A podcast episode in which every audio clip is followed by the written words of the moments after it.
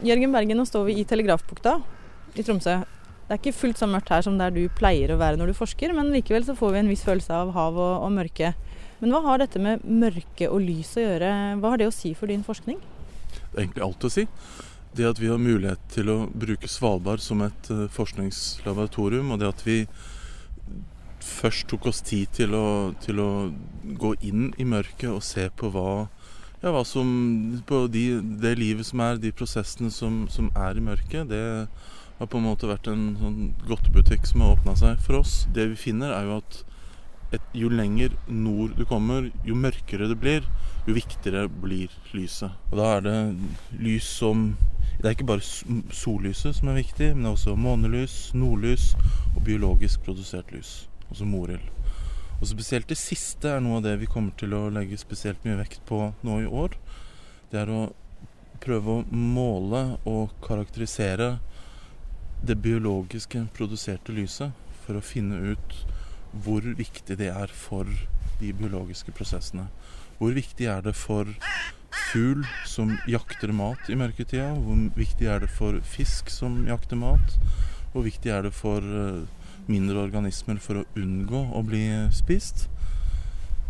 Og du kan faktisk også bruke disse fjordene på Svalbard som et laboratorium for å studere prosesser som er viktige i dyphavet over hele kloden. For i polarnatta så ser vi at de, organismer de kommer, de migrerer opp, de svømmer opp mot overflaten. Og, vi finner veldig mange organismer som ellers i året bare, du bare finner i dypet, de finner du plutselig oppi overflata. Og da denne prosessen med biologisk lys blir ekstremt viktig i, eh, i overflaten på, i polarnatta.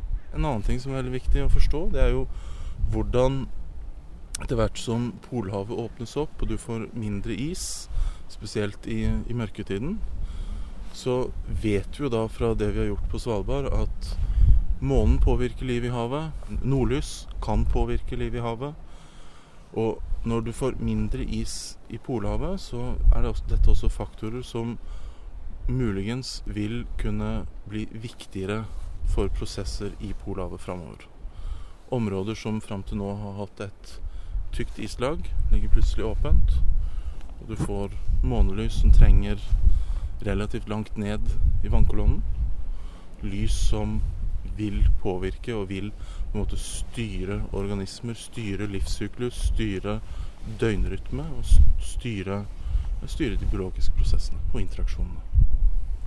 En ting er jo å skjønne det her, men hva har det å si for, eh, for meg og deg og oss mennesker? Det, det, er jo to ting. For det første så er det viktig at vi forstår økosystemet. At vi forstår og kan måtte skjønne de prosessene som foregår, for å kunne også forvalte disse havområdene som vi faktisk har ansvaret for. Men det har jo også betydning for den aktiviteten som vi tror vil komme i nord. Om det er kanskje vanskelig å se for seg uh, olje- og gassfelt som åpnes opp, men, uh, men det er ganske sikkert at du får, en, får økt skipstrafikk. Og med økt skipstrafikk så får du økt fare for, eh, for uhell. Og da er det viktig å vite mer om hva slags prosesser som foregår. For vi, vi, vet jo nå at en av de tingene som virkelig karakteriserer polarnatta, det er at de typisk arktiske organismene de ser ut til å bruke polarnatta for reproduksjon. Det betyr at i de øvre vannlagene så har du veldig mye egg og larver.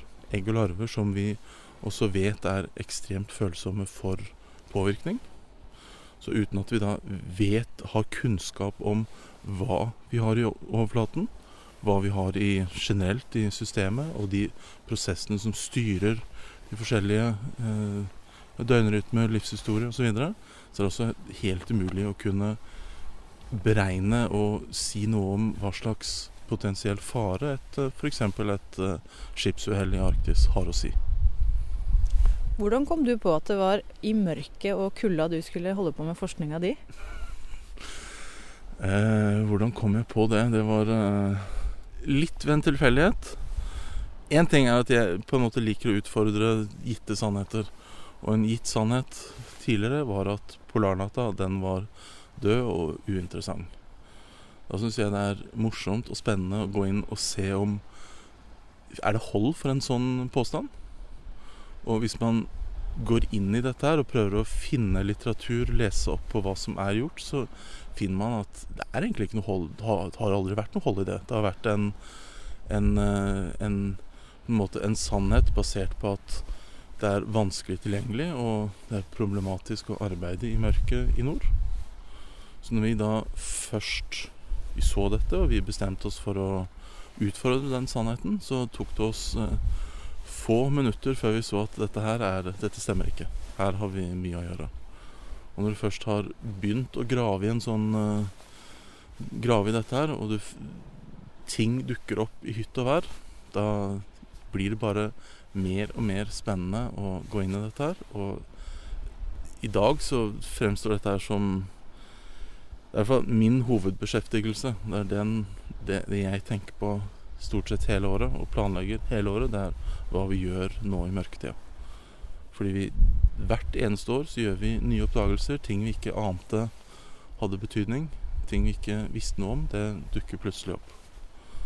Så i år f.eks. så er det, sagt, det er to ting vi nok skal Faktisk tre ting vi skal fokusere på når vi drar opp i år.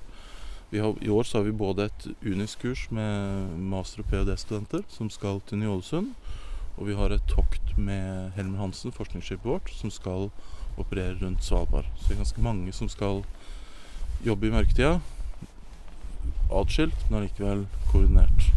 Det vi skal jobbe med, er jo da først og fremst å måle lys på både i vann og i luft på forskjellige breddegrader for å kunne karakterisere karakterisere mørketiden. Vi skal jobbe med biologisk produsert lys for å karakterisere og, og kvantifisere hvor mye og hvor viktig det er.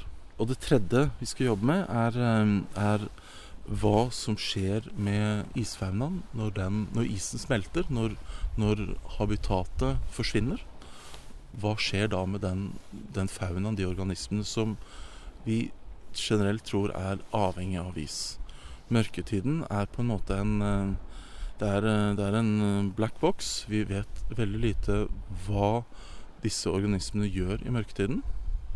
Men etter hvert nå som vi får mindre og mindre is, så klart da blir det viktigere og viktigere å vite hva som, hvor, hva, hva som skjer med dem. Er de Smelter disse bare ut og er i vannmassen og transporteres ut av Framstredet og ned i Nord-Atlanteren som dødt kjøtt? Eller har de faktisk en de, har de faktisk tilpasninger for livet i enten på bunnen eller vannkolonnen i mørketiden? Hva kan være konsekvensen av de endringene man ser i Arktis, da? Med mindre is og, og at disse artene må tilpasse seg?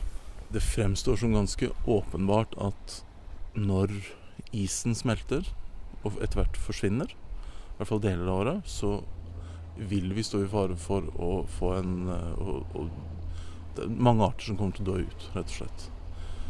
Problemet er jo at vi i dag kjenner veldig lite til både utbredelsen, antallet, livshistorie til mange av disse artene, så er det veldig, veldig vanskelig å si eksakt hva som vil skje. Men den store frykten er selvsagt at når vi i løpet av kanskje de neste 20-25 årene opplever at Polhavet er mer eller mindre isfritt sent på høsten, hva som da skjer med de organismene som ellers er tilpassa et liv i isen? Vil de forsvinne, eller har de andre muligheter for å overleve?